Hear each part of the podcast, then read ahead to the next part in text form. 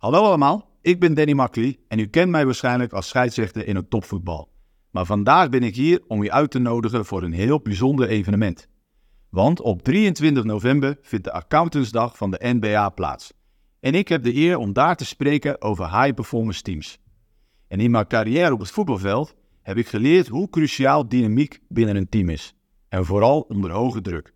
En samen met Arif en Hakan van de Busy Season Talks ga ik dieper in op thema's als leiderschap, communicatie en samenwerking. En we gaan het met elkaar hebben over het omgaan met tegenslagen. En hoe je als team veerkrachtig blijft, iets wat in elke sector van belang is. Zeker in de accountancy. Ik ga mijn ervaringen en inzichten met jullie delen, met als doel om jullie te inspireren en tools te geven om als high performance team te functioneren. En daarom wil ik u persoonlijk uitnodigen om erbij te zijn. Dus ga naar de website van de NBA, meld u aan en zorg dat u deze dag niet mist. Want samen maken we er een onvergetelijke accountantsdag van. Ik kijk er naar uit om u daar te inspireren over het geheim van high performance teams. Kortom, tot 23 november.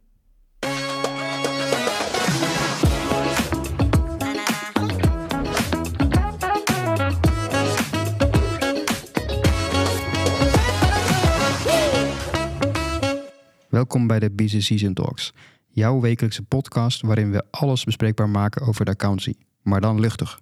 Vandaag ben ik, Arif Doezoen, samen met Leo Veldhuizen de host van het gesprek met een hele bijzondere gast. Leo, heb je er zin in? Ja, ik heb er zeker zin in. En om alvast een voorschot de boek te nemen. Ik ben zelf natuurlijk ook uh, een tijdje scheidsrechter geweest. En nog steeds een rol binnen de KNVB. Dus uh, ik kijk er erg naar uit wat we vanmiddag allemaal uh, gaan bespreken. Zeker. Ik denk dat het inderdaad voor jou een mooie gelegenheid is om onze gast vandaag te interviewen. Zeker. vanuit jouw liefde voor het scheidsrechter zijn. Zeker, zeker. En een mooie rol, uh, sorry, een mooie brug natuurlijk ook richting de accountancy. Dus uh, ja, we gaan het zien uh, vandaag. Die gaan we proberen te maken, inderdaad. Zeker. En voordat we beginnen wil ik de luisteraars graag nog wel even wijzen op twee dingen. Allereerst, druk nu gelijk even op abonneren, zodat je direct op de hoogte bent wanneer we een nieuwe aflevering online komt. En twee, op 23 november staat Accountantsdag gepland. Wij als Business Season Talk zullen twee onderwerpen tijdens die dag bespreken. Eén, high performance teams. Uh, waaronder onze gast van vandaag deel gaat nemen. En Arbeidsmarkt 2.0 War on Talent. Annette de Lange en Fouk Tsang zullen daarbij aanwezig zijn. En jij kunt ook bij deze dag aanwezig zijn. Ga voor meer informatie of om je aan te melden naar de website van de MBA. De link met meer informatie hebben we ook opgenomen in onze show notes. Yes, vergeet dat niet Leo om uh, in de show notes de link op te nemen. Dus dankjewel. laten we beginnen met een warm welkom voor onze bijzondere gast vandaag. Uh, hij is niet alleen de beste scheidsrechter van Nederland, maar wordt ook beschouwd als een van de beste scheidsrechters in heel Europa. Met zijn indrukwekkende prestaties op het voetbalveld en als VAR heeft hij zijn stempel gedrukt op de wereld van het voetbal. Dames en heren, ik heb het genoegen om Danny Makkely te introduceren. Danny, welkom. Dankjewel, Arif. Wat een uh, mooie introductie. Ja, ik heb me ingelezen. Dus uh, je was uh, afgelopen jaar, 2022, 2023, seizoen 2023, ben jij de beste scheidsrechter uh, gekozen. Dus ja. voor ons een eer om jou te mogen, mogen interviewen. Ja, leuk. Nee, ja, dat, dat, is mooi. Mooi dat je die, die verkiezing hebt, uiteraard. Ja. Ik bedoel, je doet elke week doe je je best samen met je team. En dat dat gewaardeerd wordt door media, maar ook door met name oud-internationals, oud-voetballers. Ja, dat is alleen maar hartstikke mooi. Ja, zeker. Nou, wat ik, wat ik heel cool vond, uh, Danny, hadden jou natuurlijk vorig jaar uh, uitgenodigd voor, uh, voor als keynote voor Nest Accounts Academy. En dat was ja echt een super vette, geweldige presentatie geweest over jouw carrière en waar jullie als scheidsrechters mee te maken hebben. En dan konden wij hele tijd, wat je ook vertelde, hè, bijvoorbeeld met, met, bijvoorbeeld met, met betrekking tot de VAR, de technologie, hoe jullie dat hebben om, gingen omarmen hoe wij dat dan kunnen ook uh, gebruiken in de, in de, in de accountancy. Ja. Hè, wij hebben ook te maken met uh, technologische ontwikkelingen en ja, hoe, hoe daarmee om te gaan. Dus ik vond het echt geweldig. Dus vandaag willen we gewoon vooral ook hebben, het hebben over jou. En dan hopelijk uh, kunnen we daarvan van leren als professionals. Ja, leuk. Dus wat, wat mij betreft hebben accountants en scheidsrechters ook gemeen, gemeenschappelijke dingen, zoals nou, uh, het handhaven van regels op het veld. Hè, ja. Dat doe jij als scheidsrechters. Nou, dat doen wij in de financiële wereld. Uh, maar ook, jij geniet het vertrouwen van het publiek dat er een eerlijke competitie is. En uh, ja, dat doen wij ook als accountants, als vertrouwenspersoon van de financiële wereld. Dus Ik heb er zin in, Leo. Ja, nou ja, en dan nog los natuurlijk van de communicatie met spelers onderling... en wat je ook in je klanten en dergelijke natuurlijk allemaal nog hebt. Hè? Dus je hebt een belangrijke rol als scheidsrechter en als accountant. Maar ja. ja, ook op het zeg maar, interpersoonlijke vlak speelt ook nog wel een en ander mee. Ja, zeker. Kijk, het is, uh, wat jij terecht zegt, is natuurlijk het naleven van de regels, hè, de spelregels. Maar je onderbouwt natuurlijk ook een relatie. Dat, dat doen jullie met je klanten, dat doen wij met, uh, met de voetballers. En op het moment dat er een goede relatie ontstaat, kun je ook goed met elkaar samenwerken. En, en in de samenwerking is die vertrouwen ontzettend belangrijk. Maar we moeten soms ook impopulaire maatregelen nemen. En uh, op het moment dat er overtredingen plaatsvinden, dat kan zijn verdachte transacties of overtredingen in, in het feit dat er een, een financieel rapport wordt opgemaakt ja, dan zijn wij daar om daarop toe te zien en om, uh, om daar actie uh, op te nemen. Dus ja, dat is niet altijd makkelijk. Hè? Dan moet je sterk in je schoenen staan. En, en, en ik zeg al vaker, we kunnen met elkaar werken, maar uiteindelijk moeten we met elkaar samenwerken. En dat is het grote verschil. Ja, en je hebt het al op, heel erg over een relatie opbouwen. Nou, ik denk dat we dadelijk in het onderwerp, zeg maar, over jou als scheidsrechter en carrière als scheidsrechter nog wel op terugkomen. Maar het is wel interessant hoe je in een hele korte tijd toch een relatie met spelers moet gaan opbouwen. Ja, ja, want op het moment dat je een goede relatie opbouwt, dan maak je het jezelf ook makkelijker. En we hebben wat dat betreft een kwetsbare positie. Iedereen die vindt wat van ons. En dat is, dat, uh, ik denk dat we daarin een, een gemeenschappelijke belang ook hebben. En wat je vaak ook ziet is dat op het moment dat we het goed doen, dan horen we dat niet zo vaak. Maar op het moment dat het fout gaat, dan staan we op de voorpagina van, van de krant. Ja, en dat is bij jullie ook. Op het moment dat het goed gaat, dan hoor je weinig mensen. Maar op het moment dat het fout gaat, dan kom je het nieuws. Ja, en hoe ga je daarmee om? Dat is uh, denk ik een hele goede vraag uh, die we zeker willen gaan behandelen. maar eerst willen we ingaan op wie jij eigenlijk bent. Want um, ik heb begrepen dat jij geboren bent in, in Curaçao. Een prachtig eiland. ik ben er nooit geweest, maar ik zie het op de foto's en ik hoor het van, van veel vrienden. Het is een aanrader, Arif. Is een aanrader, ja. is een aanrader. Dus misschien, Leo ik ben er al eens geweest. Je bent er al eens geweest? Zeker. Oké, cool. Nou, dan, Ook een uh, aanrader. Ja. Top. Dan uh, gaan, we dat, uh, gaan we dat zeker doen. Ik zal het even overleggen met mijn vrouw thuis. Um, nou, kun jij, kun jij ja, ons wat meer vertellen over jouw jeugd en hoe je bent opgegroeid, Danny? Ja, mijn vader die, was ex-militair. Die heeft in het Corpus Mariniers gezeten. van jongs af aan tot aan zijn vijftigste. want dan moet je bij, bij de marine moet je met een soort prepensioen, heet dat. Dan moet je er gewoon uit en dan moet je eigenlijk een andere baan zoeken. Maar het is, ja, hij woonde samen met mijn moeder destijds in, in Dordrecht. Um, en hij werd toen op uitzending naar Curaçao gestuurd. Daar heeft hij drie jaar gezeten voor werk. En tijdens die drie jaar op Curaçao ben ik geboren. Dus in mijn paspoort staat ook Curaçao, Willemstad. Dat is natuurlijk hartstikke leuk. Mensen die denken altijd, echt Curaçao, hoe kan dat dan? Ik heb uiteindelijk anderhalf jaar gewoond. Toen zijn mijn ouders weer terug naar Nederland gekomen. Toen heeft hij hier het werk weer voortgezet voor de marine ja, dus uh, ik, ben, ik heb daar heel kort gewoond, anderhalf jaar. Ik ben wel twee keer terug geweest voor vakantie. Mhm. Prachtig eiland, exotisch, heerlijk vakantieland. Voor iedereen een aanrader. Alleen het voelde voor mij niet als thuis. En, en waarom voelde het niet als thuis? Omdat ik daarvoor heb ik er te kort voor gewoond. Maar ik ben daar heel graag. Dat, ja, het is denk ik de eerste anderhalf jaar van je leven dan ja, dus dat, geweest. dat ja. heb je natuurlijk niet echt bewust meegemaakt. Ja. Maar nogmaals, het is fijn om daar te komen, maar te kort om te kunnen zeggen dat het daar als thuis voelt. Ik ben natuurlijk gewoon opgegroeid in Nederland. En voor mij is Nederland thuis. Ja. Ja, maar je bent wel iets getinter dan de gemiddelde Nederlander. Dus dat kan waarschijnlijk te maken hebben met die eerste anderhalf jaar. Uh... Ja, dat zou kunnen. Zou kunnen. Ze noemen me daar ook een Macamba. Dat heet uh, Witte Antilliaan. Witte Macamba, oh, dat is wel uh, ja. leuk om te onthouden. Um, verder heb je broers, zussen, Danny. hoe is je gezinssamenstelling? Ja, en... ik heb twee broers. Ehm, ik ben de oudste van de drie. Ehm, mijn vader en moeder, allemaal gezond. wonen allemaal op onszelf. Ik ben uh, opgegroeid uh, met waarden en normen. Ja, als je opgroeit met een vader vanuit de defensie, dan uh, is discipline, respect, eerlijkheid. Ja, dat staat bij ons hoog in het vaandel en nog steeds. En ik denk ook dat dat de basis is van een, van een, van een, een, een goede relatie.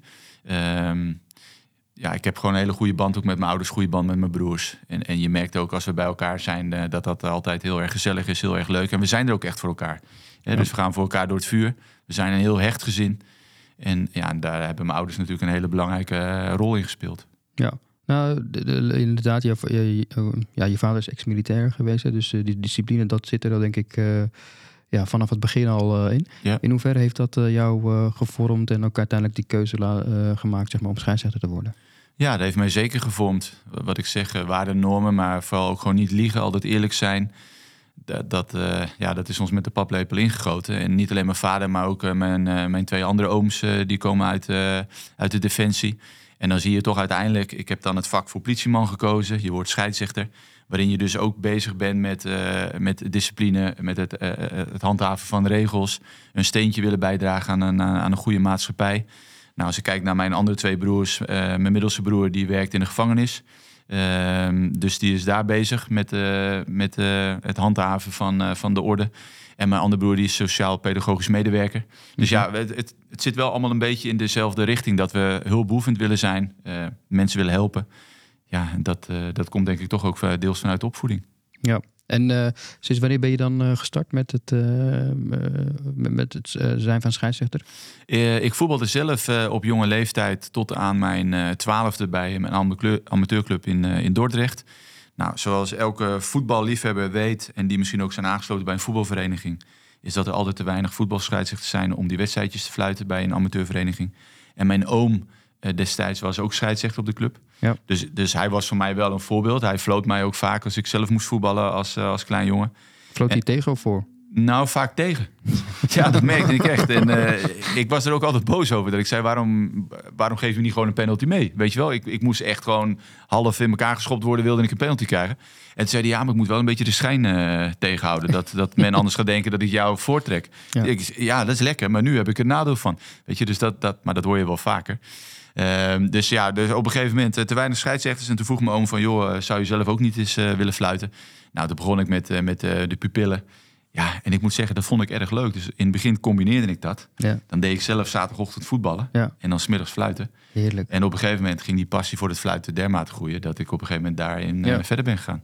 Leo, want jij bent ook scheidsrechter. Hoe is dat bij jou begonnen eigenlijk? Ja, eigenlijk wel op een soortgelijke manier. Je begint inderdaad bij de F'jes. En uh, misschien maken de ouders zich nog wel meer boos soms dan echt dan de voetballers uh, zelf. En maar eigenlijk ben jij meer een soort spelleider dan echt een scheidsrechter. Dus tegenwoordig is dat ook echt wel anders, dat F'jes uh, voetbal dan zeg maar tien jaar terug. Ehm, maar ja, dat was gewoon wel leuk om te doen. En op een gegeven moment uh, eetjes en dan ga je naar het grote veld. En dat was dan al een hele stap, zeg maar. Ja, en dan maak je op een gegeven moment overstap naar de KNVB. En dat wordt helemaal serieus. Ja, ik, heb, ik heb twee keer of drie keer gefloten. Maar toen dacht ik van, nee, dit, dit, ga ik gewoon niet doen. Was op amateurniveau inderdaad ook, denk ik, de F's of de eetjes. Maar die ouders, jongen, die werden... Ik, ik werd bijna in elkaar geslagen, zeg maar. dit, ja, die ouders die zijn heel fanatiek, hè? Die zijn echt fanatieker dan de kinderen, joh. Weet je wel? Schreeuwen vanuit de uh, zijlijn de hele tijd. En ik van wow, uh, dit, is, uh, dit, is, dit is niks voor mij. Hoe, hoe, hoe was dat voor jou, Danny? Ja, dat is natuurlijk een, een algeheel probleem wat we op dit moment hebben. Dat ouders zich veel te nadrukkelijk laten horen bij, bij, bij jeugdwedstrijden. En, en aan de ene kant snap ik dat wel, hè, want je moedigt je kind aan, je wil het beste en je, wil, je wil je eigenlijk overal wel een beetje mee bemoeien. Maar ja, zo'n team heeft ook een trainer. Die doet ook zijn best om die spelers uh, op te stellen en om ze goed te laten voetballen. Ja, en die ouders die voeren dermate druk uit, ook op zo'n scheidsrechter, dat dat niet altijd makkelijk is. En dat is in de jaren wel toegenomen. Ja, ik denk dat we allemaal wel zien dat we op dit moment in een maatschappij leven uh, waarin mensen allemaal kortere lontjes hebben. En waarin de verdraagzaamheid toch wel wat is afgenomen. Uh, ja, mensen durven meer te zeggen dan misschien wel voorheen. Hè, nemen geen blad meer voor de mond. Ja, dus wat jij terecht zegt, Tarif, eh, je moet als scheidsrechter tegenwoordig wel sterk in je schoenen staan. Als ik zeg, Danny, de druk van eh, de ouders is erger dan de druk van uh, bijvoorbeeld weet ik veel, een Volkskrant of een, of een Telegraaf. Is dat... nou, het ligt, ligt een beetje aan op welk niveau. Kijk, een jeugdscheidsrechter bij een amateurvereniging zal niet zoveel last hebben van een Telegraaf. fluit je op betaald voetbalniveau, profniveau, dan is dat natuurlijk wel de orde van de dag. en dat wordt natuurlijk door heel veel mensen gelezen. En vaak wordt het ook als waarheid gezien. Dus dat maakt het vaak lastig. Hè? Je hebt niet altijd een weerwoord. Hè? Het is eenrichtingsverkeer. Ja. Dus ja, media is wel heel sterk. En daar hebben wij natuurlijk uh, vaak mee te maken als arbitrage. Ja, maar en, en de KNVB is wel heel druk bezig geweest al bij de F's, zeg maar, om het winnaarselement eruit te halen. Die zijn gewoon lekker aan het uh, ballen in, in de middag. Ja, de gewoon KNVB, spelplezier. Ja, precies. En de KNVB is ook druk bezig met op het hogere niveau om uh, dingen uit te proberen. Hè. Dus uh, uh, nu hebben we andere richtlijnen gekregen dat je sneller een gele kaart krijgt als je protesteert ook richting scheidsrechter of onderling. Uh, dat intrappen en dergelijke, daar is de KNVB best wel uh, ver mee. tijdstraf, dat soort dingen. Merk je dat dat helpt in, in, in, de, in de weerstand zeg maar, richting arbitrage? Ja, kijk, op het moment dat je het spel natuurlijk sneller maakt, is er minder tijd ook om te kunnen protesteren. Hè, mhm. of om je met de scheidsrechter bezig te houden. En het voetbal is natuurlijk al honderd jaar hetzelfde. En je merkt wel, ook vanuit de FIFA en vanuit de UEFA, dat men eh, probeert om dat voetbal steeds aantrekkelijker te maken. Of in ieder geval aantrekkelijk te houden. En uh, je ziet in heel veel sporten dat het steeds sneller wordt. Bij hockey hebben ze natuurlijk ook verschillende regels al aangepast, waardoor het spel veel sneller is geworden. En dat komt uh, de aantrekkelijkheid van het spel om naar te kijken uh, ten goede. En dat probeert men ook binnen het voetbal. En dat zou bijvoorbeeld de zelfpaas, en dat je een vrije schop op jezelf kunt nemen, dat je gelijk verder kunt. Een intrap, de officiële speeltijd, dus, dus dat de klok stil komt te staan. Ja, ja dat soort spelregelwijzingen dragen bij aan misschien wel meer entertainment. Ja, ik kan niet wachten eigenlijk dat dat allemaal gaat komen. Hoe is het voor jou? Ja, ik denk ook dat dat goed is. Ik ben er absoluut voor. Ik ben ook echt voorstander van de zelfpaas. Omdat nu moet een vrije schop per se op een medespeler gespeeld worden. Dus dan is het vaak zoeken, dan gaan spelers in de weg staan. En op het moment dat jij een bal stil kunt leggen en gelijk door kunt dribbelen... Ja, krijg je natuurlijk een hele andere dynamiek in het voetbalspel. Ja, ik ben hmm. ervan overtuigd dat dat een, eh, een goede aanpassing zou zijn. En ik geloof ook dat dat er wel doorheen gaat komen. Ja, dat gaat denk ik wel dan de snelheid van voetbal... Uh, de snelheid van het spel zeg maar bevorderen. Ja, ja. Ja, we hebben natuurlijk door, de, de, de, door alle innovaties nu met de videoscheidsrechter. Ja. En we zien nu ook die buitenspelsoftware. Die technologie die verbetert ook steeds meer.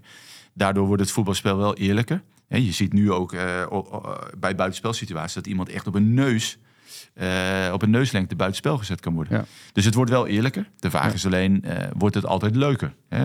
Die discussie leeft wel. Ja. ik heb uh, denk ik vanuit gewoon als voetballiefhebber, zeg maar, ik heb het wel heel snel omarmd, de, de VAR. Ja. Ik vind het gewoon inderdaad gewoon veel eerlijker. Want af en toe als je dan oneerlijk had verloren, ja, dat is natuurlijk niet leuk als voetballiefhebber. Maar ook oneerlijk winnen is ook niet leuk. Nee. Dus ik vind het wel echt heel fijn en ik heb het al heel snel omarmd. Ik weet niet of dat de algemene... Uh... Ja, toch merk ik dat er soms wel al discussie komt. Hè, van, ja, moeten we nou echt op die centimeter buitenspel gaan afkeuren? Maar ja, waar leg je dan de grens? Hè? Dus de spelregel is eigenlijk gewoon heel duidelijk. En uh, that's it. Ja, dat betekent dus soms dat je op een uh, centimeter of een neuslengte afstand soms wordt teruggefloten. Ja, maar het is ook een kwestie van wennen. Want ik merk wel, we zijn nu een aantal jaren onderweg met de VAR met de, de buitenspelsoftware, uh, met de lijntjes uh, voor buitenspel.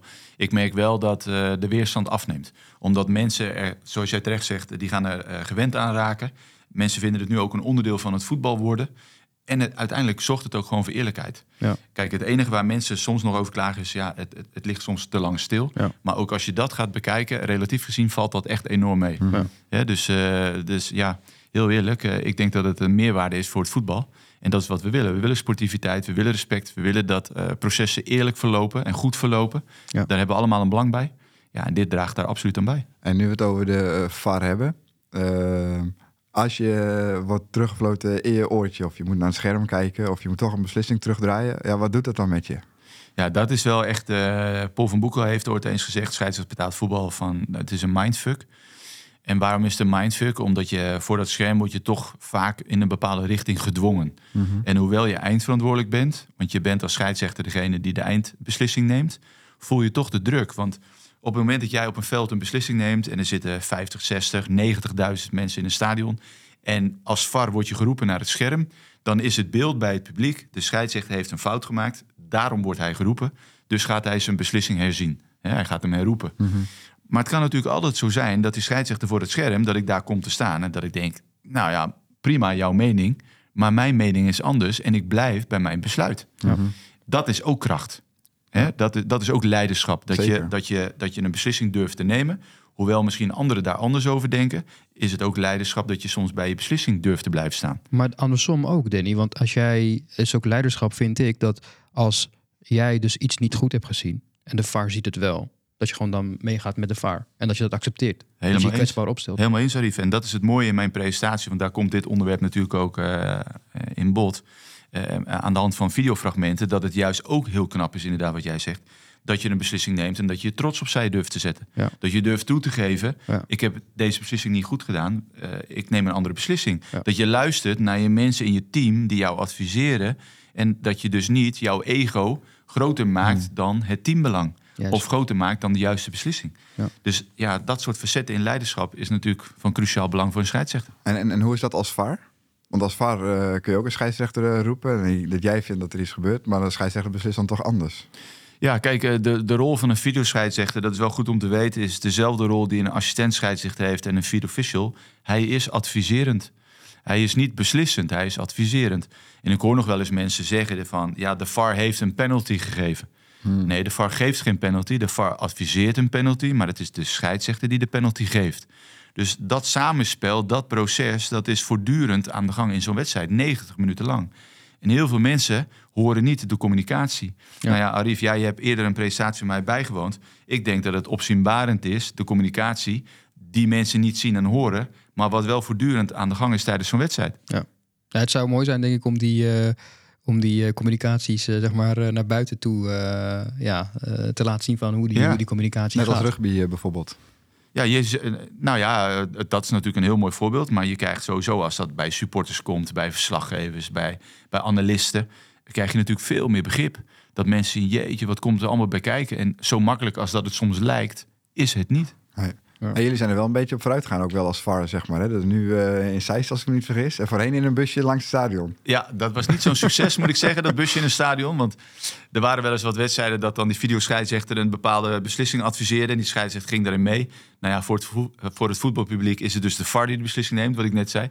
Ja, en dan zag je soms gewoon een heel vak zag je een beetje leegstromen. En, en dan vroeg je af op het veld, waar gaan die mensen heen? Maar dan werd dus even letterlijk het busje van de videoscheidsrechter omvergeduwd. En ik weet nog dat Kevin Blom ooit eens echt gered moest worden door de ME uit zo'n busje, omdat daar gewoon 5000 man voor dat deurtje stond. Ja. Dus ja, nu zitten we in, in Zeist, in, op de campus, in een bunker. Om het maar zo even te noemen. Eh, eh, hermetisch afgesloten, het Ja. epicentrum. en daar zitten nu alle videoscheidsrechters eh, de wedstrijden te doen. Ja, dat is wel dat een is stuk denk ik ook wel fijn, denk ik. Want eh, als je dan nu niet eens bent met de VAR, zeg maar. En je, je hebt dan bijvoorbeeld eh, bij NEC eh, gefloten. Dan zie, zie ik al voor me zeg maar, dat die hooligans vanuit Nijmegen helemaal naar Zeist moeten gaan, weet je wel. Ja, En in de tussentijd gaan ze wel denk ik nadenken van... Nou jongens, laten we gewoon teruggaan. Ja. Ik hoop dat dat Ja, wel als ze vanaf de tribune lopen, zeg maar. maar ja goed, eh, en, en je komt met alle respect, maar je komt op Zeist ook niet zomaar binnen hoor. En we hebben ook eh, bewaking, dus eh, ja, Ja. echt waar, we hebben bewaking. Dus in zo'n tijd leven we, dat dat gewoon Ja, nodig bizar, is. hè?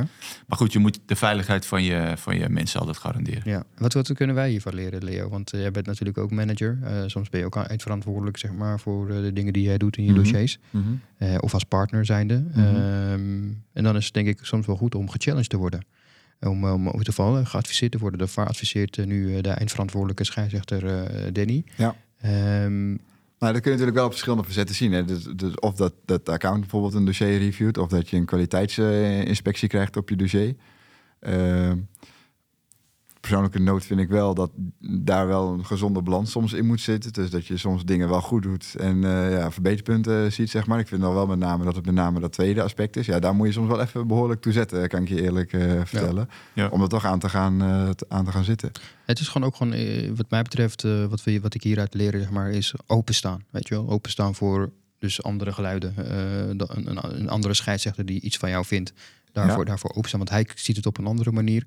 Het eh, kan zo- zelfs eh, ook eh, van toepassing zijn voor een teamlid die eh, een, eh, een post aan het controleren is of eh, een andere aanpak heeft dan dat wij dat eh, Mhm. hebben. Nou, uiteindelijk draagt het bij natuurlijk of aan de relatie met je klant, of aan de kwaliteit van het dossier, of eh, aan maatschappelijk verkeer, of de kwaliteit van de jaarrekening. En dus ja, dan moet je er wel open voor staan. Want als je dat niet doet, ja, dan, dan eh, eh, eh, heb je ook eigenlijk te groot ego en dan eh, ga je op dezelfde voet verder. En dan ben je aan het vastdenken en leren, wat mij betreft niet. Ja, en, en volgens mij hè, voor een accountant, eh, je hebt zeg maar het speelveld en binnen, eh, op het speelveld staan lijnen.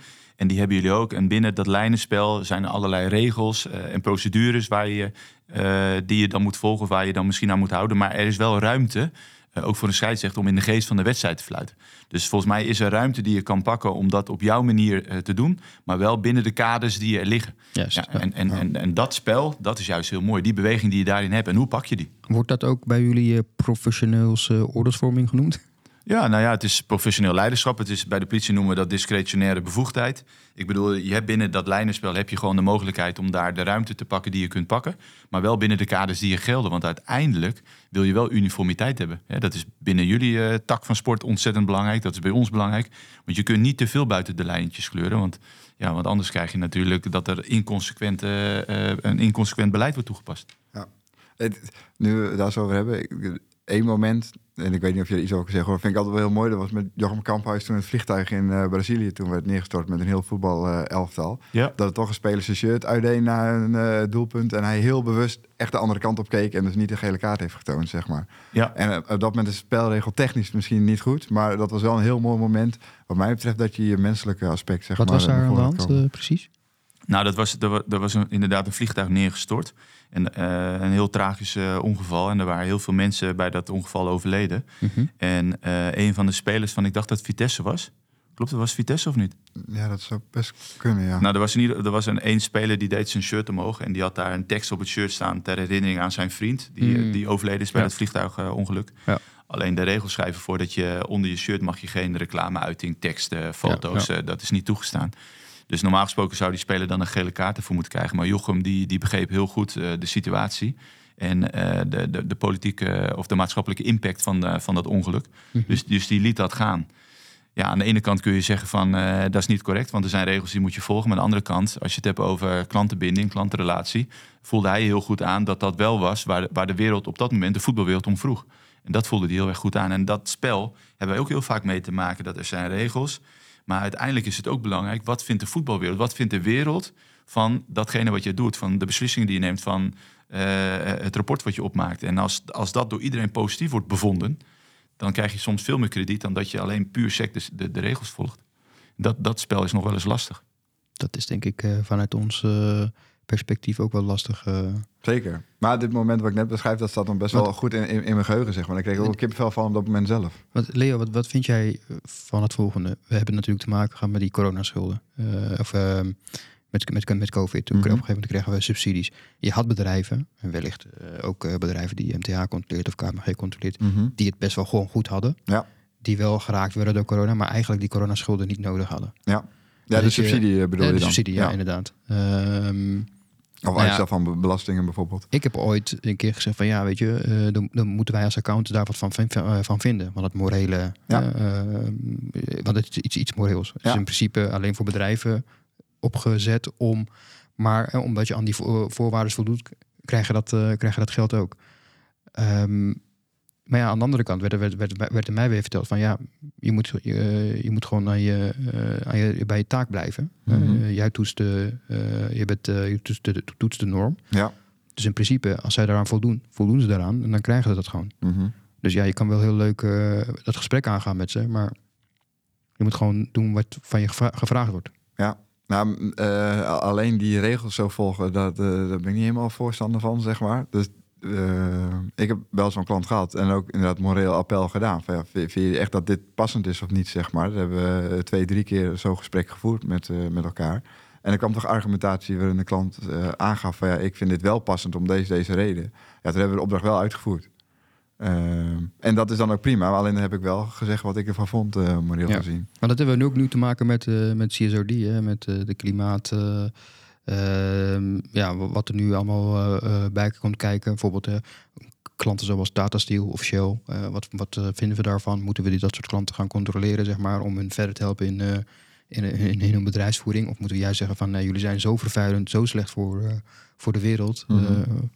Daar eh, kappen we eh, ermee, zeg maar. Met elkaar in contact blijven en eh, wat Danny net eigenlijk aangaf, eh, met elkaar in relatie komen is dan denk ik het meest eh, essentiële. Dan kom je Ja. verder mee dan dat je met je vingertje gaat wijzen van eh, dit zijn de regels, denk ik. Maar wat jij zegt, dat is wel een mooie. Want ik, ik heb ooit een keer een lezing bijgewoond van eh, Bram Moskowitz.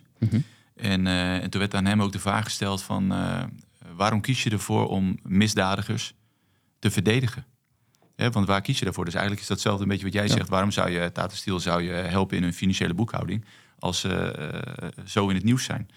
En, en toen zei Bram Moskowitz van... nou, maar ik, je moet het anders zien. Ik ben er niet zozeer om hem te verdedigen. Ik ben er meer om te kijken of dat het proces eerlijk verloopt. Dus ik ben, ik ben er helemaal niet voor om een voorkeur uit te spreken voor eh, schuldig of niet schuldig. Maar ik kijk gewoon, eh, wordt het recht op de wijze, goede wijze toegepast? En als je er zo naar kijkt, dan kun je er heel objectief in staan. Ja, nou, goeie. Mooie tip. Ja, zeker. Ik wil even naar jouw carrière als eh, scheidsrechter. Want eh, we, we hebben er even moeten wachten, maar uiteindelijk eh, mocht je ook actief zijn op het EK. en op het WK in, in Qatar. Ik zie je nou ook glunderen. Ja, Dat doet wel wat met je. tuurlijk. Kijk, ik bedoel, dat is het hoogst haalbare voor een scheidsrechter. Als je op een eindtoernooi actief mag zijn, hè, op een, een Europees kampioenschap of een wereldkampioenschap, daar doe je het allemaal voor. En ik weet nog dat toen ik tien jaar oud was en toen ik al met een fluitje op het veld liep, toen was mijn droom al ooit om eh, op een WK te fluiten. Ja, en als je er dan eh, uiteindelijk staat, dan eh, is dat kippenvel. Ja. Want in WK in Brazilië heb je daar ook nee. gestaan? Nee, dat was nee. Björn Kuipers. Oh, dat was Björn Kuipers. Ja, dat was nog in een fase dat ik zeg maar nog niet aan de top stond. Ja. Um, en in Qatar was mijn eerste WK vorig jaar. Ook niet als VAR bij uh... Ja, in 2018 wel eens VAR. Heel goed. In, uh, in Rusland was dat, het WK ja, in Rusland. Okay. Ja.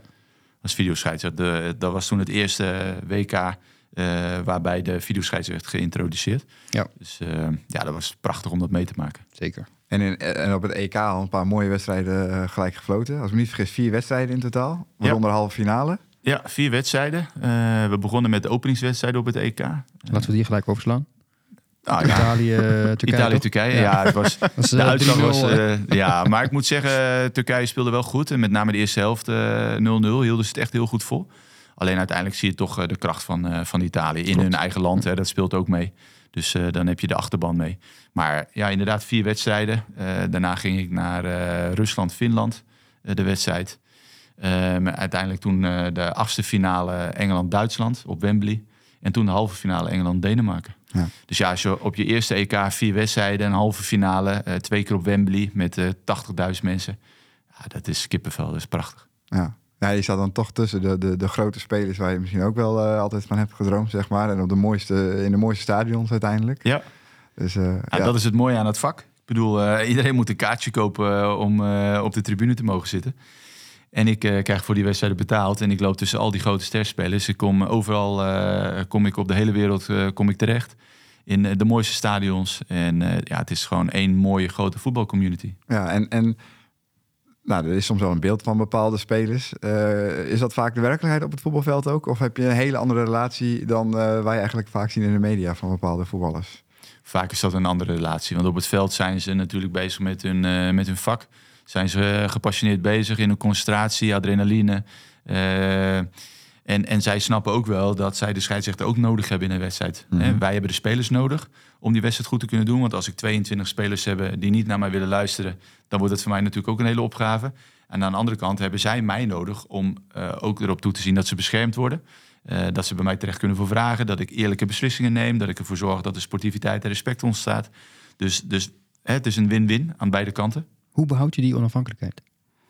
Nou, door iedereen op gelijke wijze te behandelen. Dat is heel erg belangrijk. Wat je, wat je nog wel eens ziet, is dat bijvoorbeeld sterspelers anders worden behandeld dan niet-sterspelers. Ja, en dan krijg je natuurlijk gemoor op een veld. Dus mm -hmm. het is juist heel erg belangrijk om, om uh, spelers gelijkwaardig te behandelen. Uh, en daarin geen voortrekkersrol uh, toe te passen. Dus op het moment dat een, een sterspeler een gele kaart verdient, dan verdient hij die en dan moet hij die ook krijgen. En, uh, maar wat je wel kunt doen, is de verbinding heel erg zoeken met sterspelers. Want zij zijn wel de captains, zij zijn de vaandeldragers in een team. Ja. En als je die voor je weet te winnen, dan krijg je het hele team mee. Want zij zorgen er ook weer voor dat het team zich dan rustig houdt. Hè, en dat, dat is heel erg belangrijk. Dus zet mensen soms op een voetstuk. Maak mensen belangrijk. Geef mensen credits. Uh, ga met ze in gesprek geven aan dat zij voor jou ook belangrijk zijn. Dat zij voor jou een, een sleutel zijn in de wedstrijd. Ja, ja want hoe, hoe, doe je dat? In de eredivisie kom je spelers nog wel eens uh, vaker tegen wellicht. Maar goed, zeker op internationaal verband uh, zie je elkaar maar een enkele keer. Hoe zorg je ervoor dat toch in die 90 minuten je zo'n relatie krijgt... dat ze eigenlijk doen wat jij wil? Is, is ook status, moet ik heel eerlijk zeggen. Op een gegeven moment ga je een reputatie opbouwen. Zij zien natuurlijk ook dat jij op een EK fluit op een WK. Ze zien dat je vaak in de Champions League fluit. Als je internationaal fluit en je loopt met een FIFA-badge in de Champions League, dan weten die spelers ook: oké, dat is een scheidsrechter, die heeft ervaring. Um, maar het is vooral wat ik altijd, wat ik denk wat mijn kracht is, is gewoon eerlijk zijn, rustig blijven, in verbinding, in contact. Ik denk dat in contact zijn met mensen heel erg belangrijk is. Dus uh, hou dat contact warm. Warme contacten zorgt juist voor een goede dynamiek, zorgt juist voor een goede binding met mensen. Uh, reflectie. En sta ook open dat mensen iets tegen jou mogen zeggen. Ik ben een scheidsrechter, spelers mogen heel veel tegen mij zeggen. Mm -hmm. Hè? Ik bedoel, het moet wel met respect natuurlijk zijn, maar spelers mogen heel veel tegen mij zeggen. Daar sta ik voor open. Dus geef spelers het gevoel dat ze er mogen zijn. Hmm. Dat jij er voor hun bent. En als je dat doet, dan gaan spelers dat voelen. Ja. En dan gaat, er, dan gaat er een acceptatie ontstaan. Dat spelers voelen van, hé, hey, deze scheidsrechter is eerlijk. Deze scheidsrechter is oprecht. Die doet zijn best, die is consequent. Ik kan bij hem terecht uh, voor vragen. Uh, en, en hij dient het belang van het voetbalspelletje. En als je dat doet, als je dat ook doet naar de klant, ja, dan gaan klanten voor jou lopen. Ja. Wow. En, je, en, je, noemde net even heel, heel kort in het zinnetje ook reflectie. welke reflectie doe je dan op? Met spelers of na de wedstrijd met je team? Of? Ja, uh, beide met spelers. Hè. Ik kan, uh, een speler kan wel eens bij me komen en zeggen van... joh, scheids, er was toch een overtreding? Nou, dan kun je ook wel eens zeggen, joh, bijvoorbeeld Cristiano Ronaldo... en dan zeg je, joh, Cristiano, je had gelijk. Ik heb dat niet goed gezien. Mm -hmm. Sorry. En dan zie je ook dat zo'n speler zegt... oké, okay, top, weet je, we maken allemaal fouten. Maar als ik heel arrogant ga doen van... joh, wie ben jij? Ga weg, ik ben hier de baas. Ja, dat werkt averechts. Als je dat, daar houden mensen niet van. Mm -hmm. Dus dan eigenlijk creëer je een soort muur dat je mensen niet toelaat. Maar dat, je hebt elkaar nodig en dat is in een team ook. Ik vind het fijn in een team, ik werk altijd met een vast team, dat er een veilig klimaat ontstaat in mijn team. Een klimaat waarin mensen zichzelf kunnen zijn, eh, waarin ze uh, uh, hun mening durven te geven, waarin ze zichzelf kunnen zijn, waarin ze zich kwetsbaar durven op te stellen, maar ook kritisch. Mm -hmm. En als je zo'n omgeving kunt creëren in een team, dan ben je een winnend team. Mm -hmm. dan, word je, dan word je echt een winnend team. En dat merk ik ook bij ons. Bijvoorbeeld iets wat heel vaak op de werkvloer terugkomt, is cynisme. Mm-hmm. Ik, zie, ik zie dat overal. Ik, ik, ik heb dat gezien bij de politie, ik zie dat bij de KNVB. En cynisme bedoel ik uh, op de werkvloer grapjes, geintjes maken, bepaalde... Ik zeg altijd, in elk geintje zit een seintje. Mm-hmm. En, en cynisme in een team kan killing zijn. Want wij kunnen het leuk vinden. En je kan doen alsof je het leuk vindt. Maar je gaat misschien naar huis, je vindt het helemaal niet leuk. En je krijgt er last van. Of ik, wij maken cynische grapjes en Arif die hoort dat. Die denkt, zo, is dat allemaal normaal wat daar wordt gezegd? Mm-hmm. Wij weten ja. misschien van elkaar dat we het leuk vinden, dat we dat accepteren. Maar er zijn nog meer mensen in het team die dat misschien niet kunnen waarderen. En die daar heel anders over gaan denken. Dus ik zeg ook altijd in mijn team: cynisme heeft in mijn team geen plaats.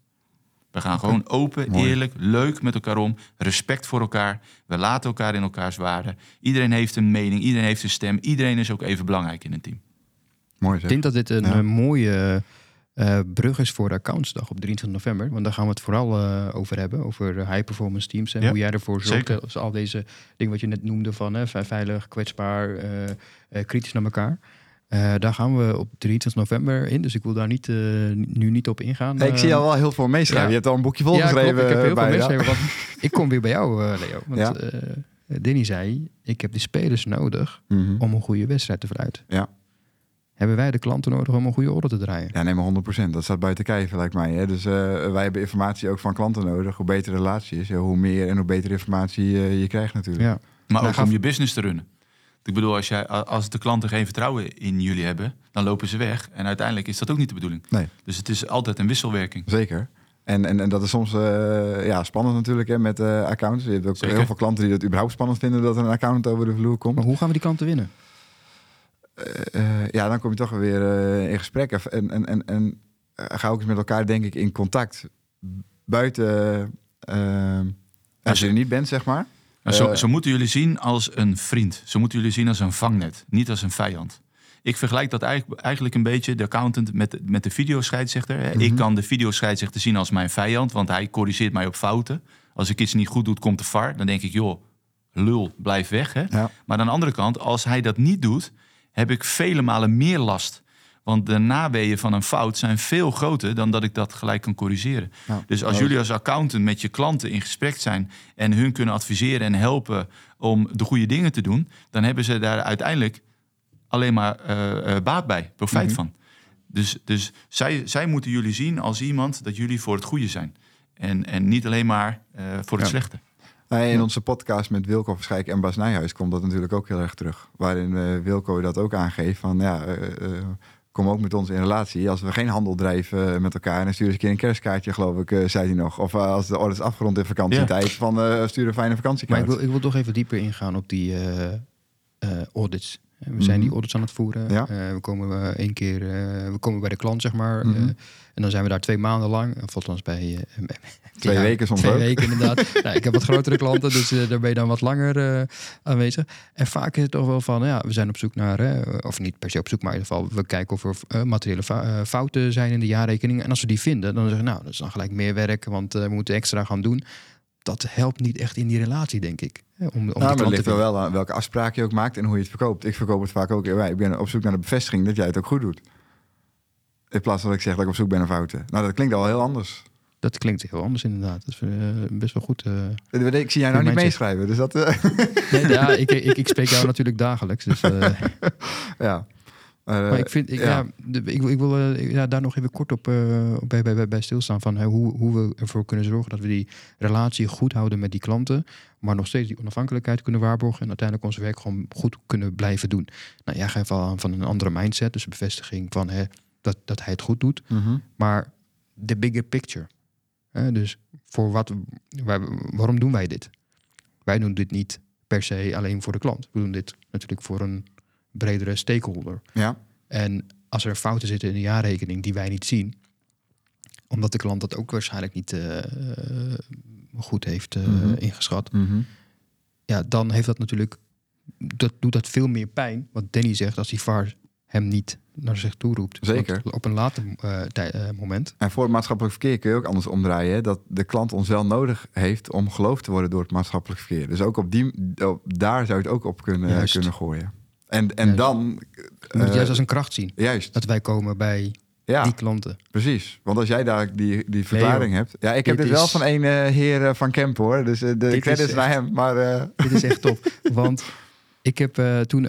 We hebben te maken met tuchtrecht. Waarschijnlijk eh, in de voetballerij eh, Ja, zal er ook eh, iets in die richting zijn. Ja, bij een rode kaart, et cetera. En eh, wanneer wij ehm, nou, dus iets niet goed doen, dan, dan, dan ja, moeten we ons eh, melden bij, eh, bij Zwolle, eh, bij de rechtbank.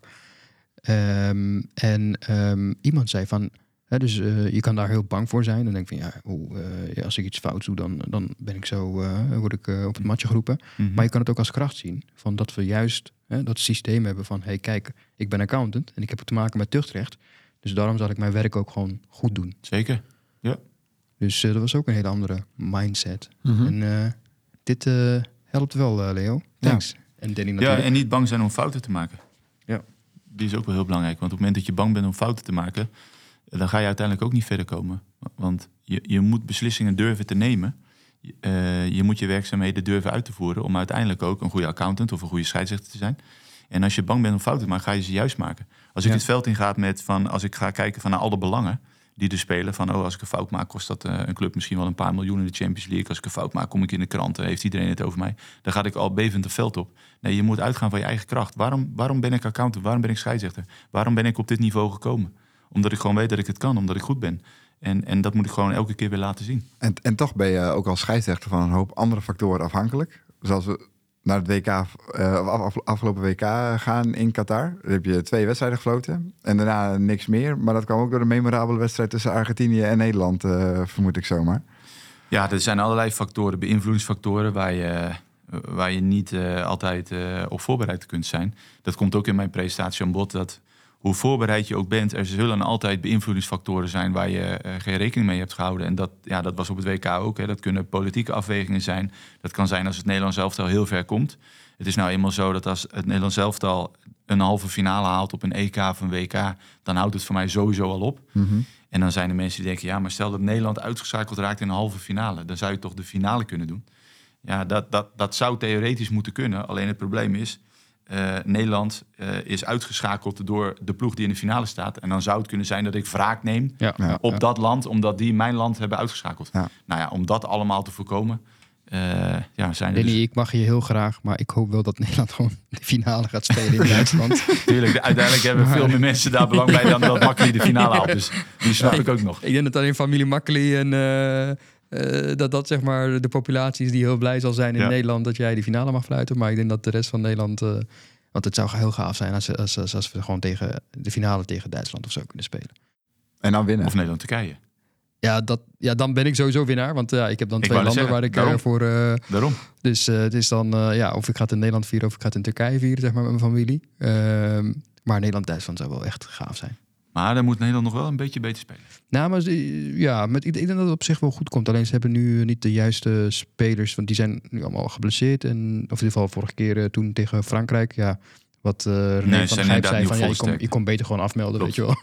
Ja, dat en- was gewoon echt het geval. en heel eerlijk, dit is altijd zo met Nederland. Hè? Ik bedoel, eh, Nederland is echt een toernooiteam. Ja. Dat hebben we altijd gezien. Nederland presteert op toernooien altijd goed. En in de voorbereiding of in de, in de kwalificatiereeks is het altijd dat we denken, nou nou, weet je, Ja. maar dat is altijd zo geweest. We zijn nooit met vlag en wimpel naar een, een eindtoernooi gegaan dat we dachten, nou weet je, dit is ongelooflijk. Maar dit bracht ook wel heel veel positiviteit. Want eh, er kwamen allemaal nieuwe spelers. Hè, zoals die ene van Mhm. eh, AC Milan, eh, die ging opeens zijn debuut maken, geloof ik toch? Dat was, eh, die, Ja, we hebben een paar mooie debutanten. Dus dat waren gewoon echt hele mooie spelers waar je denkt van oké, dit is gewoon add-on. On, eh, Ja. als, als je een volledig team, eh, goed team hebt, zeg maar, zou dit een mooie, een mooie toernooi Ja. kunnen, kunnen spelen. Zeker. Oké. En dan ehm, hebben we het gehad over de scheidsrechterscarrière, eh, Leo. Ja, dat ik denk wel dat, dat we mooie eh, zaken met je hebben besproken. Ja.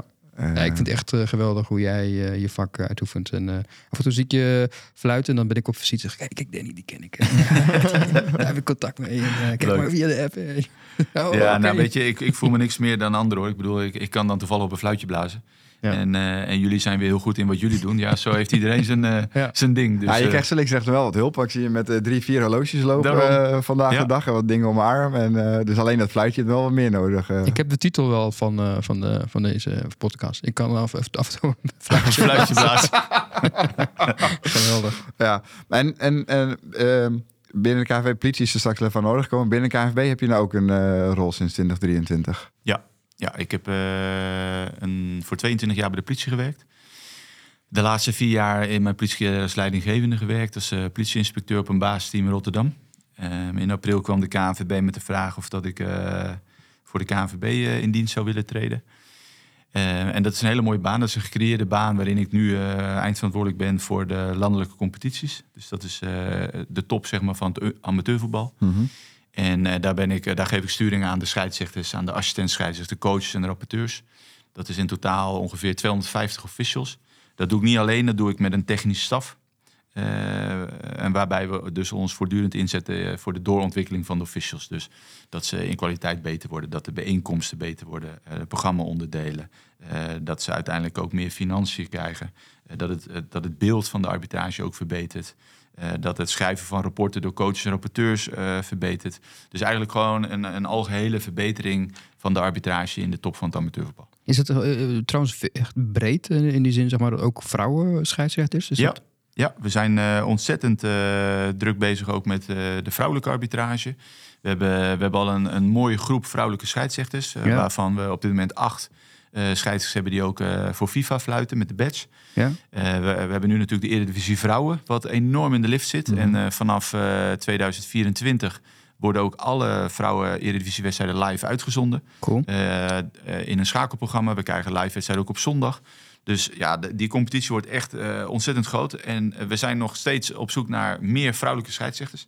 Ja. Dus als eh, vrouwen op deze podcast meeluisteren en denken van... nou, dat lijkt me wel wat, scheidsrechter zijn. Meld je alsjeblieft aan. Linkje in de show notes, eh, denk ik. Ja. Ik heb twee meiden eh, van twee en vijf, Ja. eh, die ik eh, heel graag iets in de voetballerij eh Mooi. laten doen. Dus eh, die, die ga ik jou... zijn met- nog wel wat jong voor de Eredivisie vrouwen. Maar Ja, maar zij kan, eh, vooral Sarah, zeg maar de oudste van mij, die eh, corrigeert mij wel heel vaak. Oh, mooi. Ja. Is een scheidsrechter in de ja. dop. Ja, dus, eh, maar dat heeft ze van haar, eh, van haar moeder. Die moeten we Eh, hebben.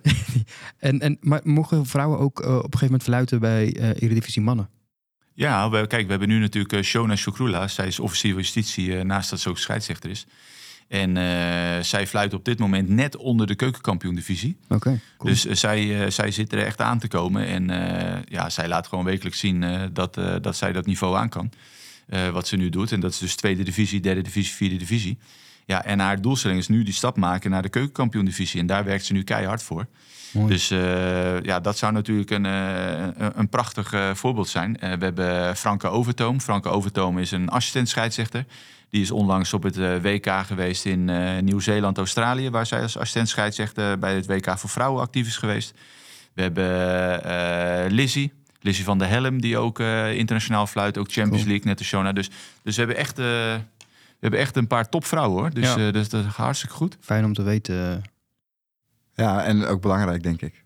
Want we hebben die Duitse scheidsrechter natuurlijk ook al eens gehad eh, bij mannenwedstrijden. Ja. Eh, die volgens mij inmiddels helaas gestopt is. Maar eh, die stond haar mannetje ook eh, heel goed. En ik denk dat het voor eh, zowel de arbitragewereld als ook de voetbalwereld heel goed is dat daar een eh, mix in gaat plaatsvinden. Absoluut, zeker. Nee, absoluut. En, en zeker ook, eh, we hebben natuurlijk de Eredivisie Vrouwen.